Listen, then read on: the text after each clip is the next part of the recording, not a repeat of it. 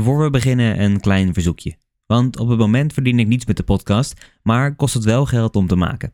Mocht je waarderen wat ik doe en de podcast willen steunen, dan kun je een eenmalige of terugkerende donatie doen via de link in de beschrijving of op www.verhalenwoordslapengaan.com doneren. Je kunt van elke mogelijke betaalwijze gebruik maken en zo kan ik weer een jaartje de podcast in de lucht houden en af en toe een weggeefactie van een mooi boek houden. Maar goed, dan heb ik voor nu genoeg gebedeld. Heel veel luisterplezier.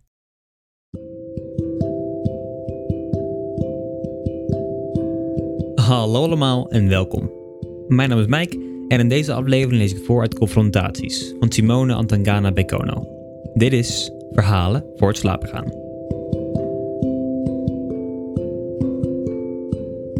Deze week staat in het teken van de shortlist van de Libris Literatuurprijs 2021.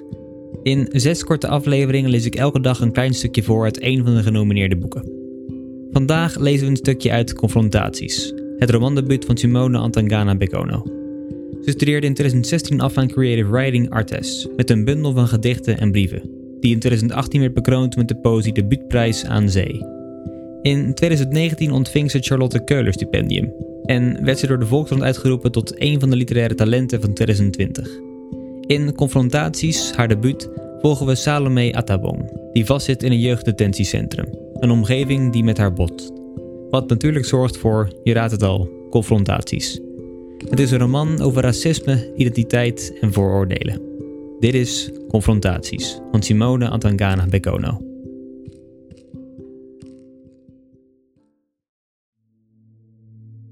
Confrontaties. Ik weet nog hoe we met z'n allen voor het hek stonden. Het was het einde van het schooljaar van groep 7 of 8. Hadden buiten gegimd op het veldje tussen de gymzaal en het terrein van het AZC en waren op weg terug naar school. De juf liep een eindje verderop met andere kinderen, maar iemand van ons bleef staan om naar de man te kijken, en dus stopte de rest ook. De man was lang en dun en droeg een afgedragen winterjas die als een wolk om hem heen hing. Zijn smalle zwarte gezicht leek te verdwijnen in de opstaande kraag. Hij stond naast de paal van de slagboom in het gras. Iemand gooide het eerste muntje. Ik denk dat het Sjoerd was. En het waren vooral de jongens die volgden. Ik stond met mijn gymtas in mijn hand te kijken naar mijn klasgenoten. Hoe ze in de zakken van hun broeken en denimjacks graaiden. Waarom doe je dat? vroeg Liliana aan Teun. Hij heeft toch geld nodig? zei hij lachend. Niemand had meer dan een paar muntjes bij zich. Het was snel voorbij. Terwijl de man van achter het hek naar ons staarde, lagen de munten fonkelend voor zijn voeten. Ik wilde niet dat hij ze opraapte. Ik weet nog dat ik dat heel belangrijk vond. Dat hij ze niet opraapte. Pak dan, pak dan, schreeuwde Sjoerd en Teun en de andere jongens en een paar van de meisjes. Ze lachten naar de man. De juf draaide zich om. Ze riep dat we de rest van de klas moesten volgen. Iedereen rende lachend naar haar toe. Liliana ook, nadat ze me wenkte. Kom, riep ze, maar ik kwam niet. Ik keek naar de man. Hij keek naar mij. We keken allebei niet naar de euromuntjes in het gras. Toen draaide de man zich om. Eerst draaide hij zijn hoofd en toen volgde zijn lichaam. Hij liep terug naar het AZC. De foto wordt gemaakt in een klein kamertje met grijze muren. Op een van de muren hangt een poster van een puisterige jongen, gefotografeerd van de voor- en zijkant. Ik moet tegen de andere muur gaan staan en zie, terwijl ik naar de puisterige jongen kijk, dat het een informatieve poster is. Zo maak je een pasfoto van jeugddelinquenten. Voor- en zijkant. Ik draai me na het klikken van de camera naar links, laat het flitslicht mijn rechterwang raken. De man sloft naar een bureau in de hoek van de kamer en downloadt de foto op het scherm van de computer. Een vermoeide, trieste kop kijkt hem aan. Ben ik dat? wil ik vragen, want ik weet het niet zeker. Hij zegt iets over wat er met mijn informatie gaat gebeuren. Het zou zo kunnen zijn dat we bij je vertrek nogmaals vingerafdrukken afnemen, ter vergelijking. Ter vergelijking? vraag ik. Gebeurt haast nooit. In een film die ik ooit zag schroeiden twee bankrovers hun vingerafdrukken weg met een strijkijzer. Met bloedende vingers staken ze hun identiteitspapieren in brand, knipten hun paspoorten door. De bankrovers werden gespeeld door twee knappe Amerikaanse acteurs zonder littekens in hun gezicht. Ik ben geen knappe Amerikaanse acteur. Ik ben mezelf en heb wel littekens in mijn gezicht. Eén is oud en bruin, naast mijn neus, van die keer dat Miriam me per ongeluk brandde met de steltang.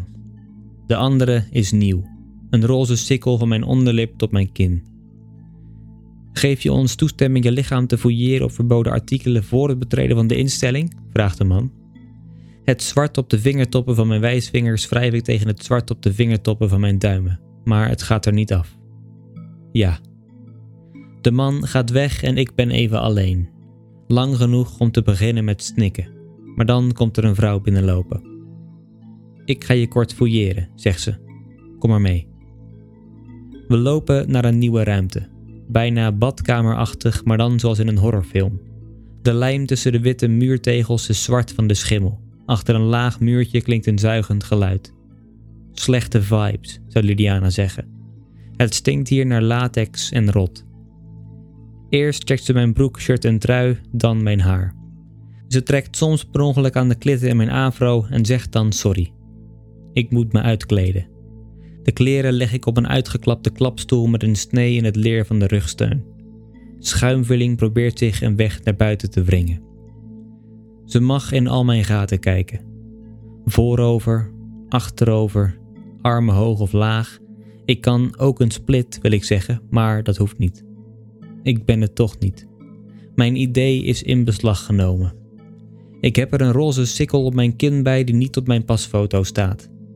Een strijkijzer kan een deel van wie je bent wegbranden, doen verdwijnen. Een litteken doet iets heel anders.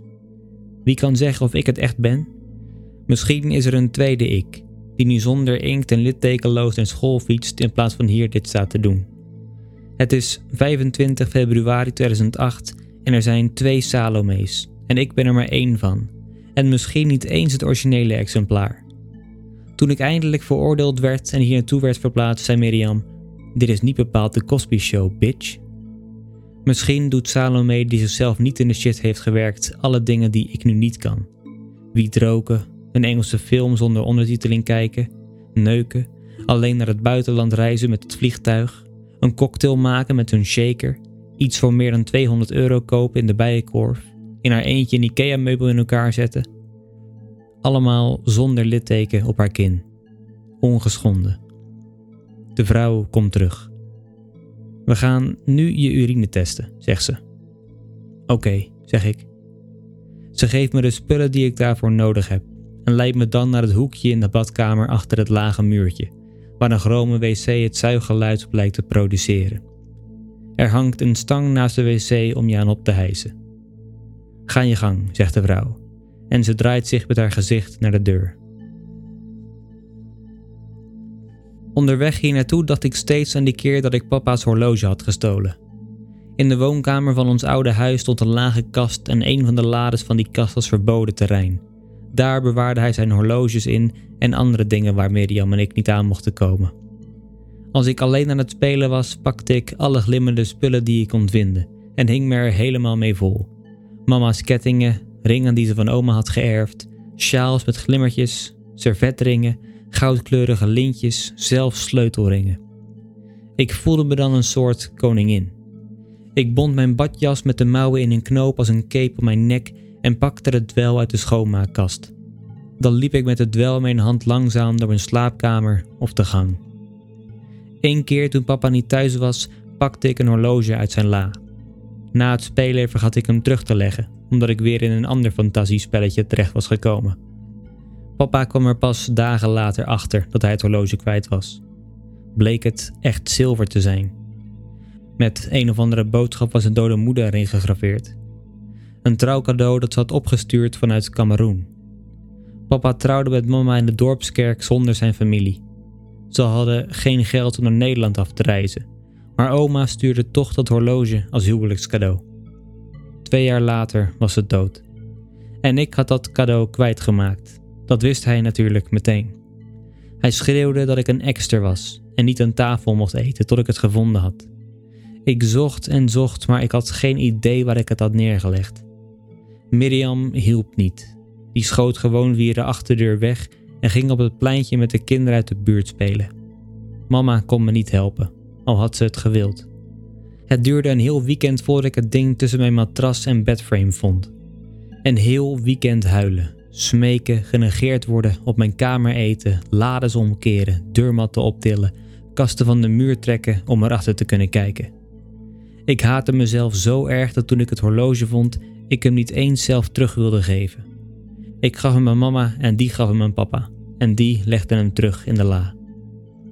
Natuurlijk leerde ik hier niets van. En stal ik niet veel later weer het horloge mee te spelen. Maar toen werd ik gewoon lomp betrapt. Papa stond ineens in de deuropening van mijn kamer en ik liet de dwel waarmee ik heen en weer wandelde vallen. Het horloge blonk aan mijn pols.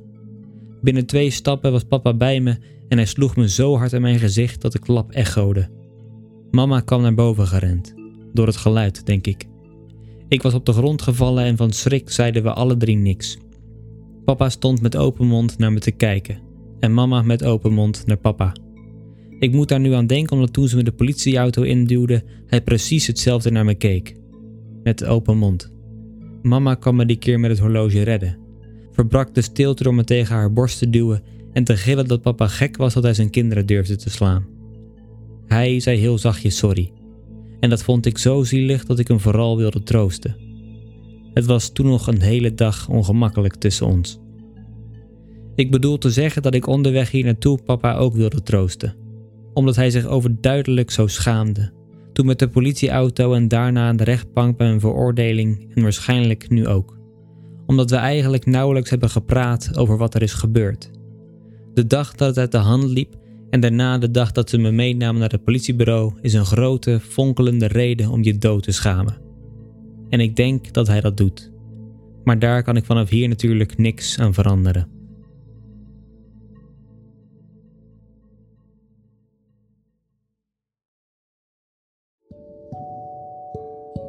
Dat waren de eerste pagina's van Confrontaties.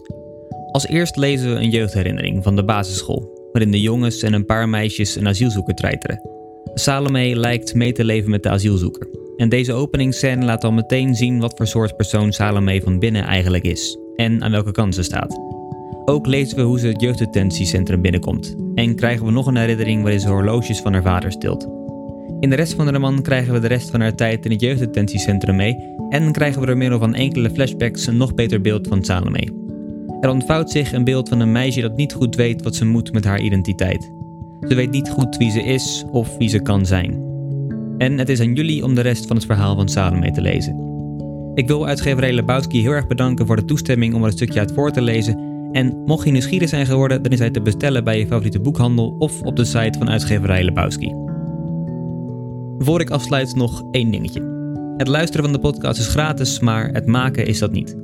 Natuurlijk vind ik het hartstikke leuk om te doen. Maar mocht je bij willen dragen aan de verbetering van zowel de inhoud als de kwaliteit van de podcast, dan kan dat via PayPal of Kofi. De link daarvoor staat in de beschrijving. En een deel van de donaties komt ook weer bij jullie terug, in de vorm van bijvoorbeeld giveaways en andere leuke prijzen. Ik wil jullie hartstikke bedanken voor het luisteren naar deze podcast. Voor achter de schermen, updates, vragen of opmerkingen kun je me vinden op Instagram en Facebook onder de naam Verhalen voor het slapen gaan. En dan zie slash hoor ik jullie volgende week. Voor nu, goede nacht, slaap zacht.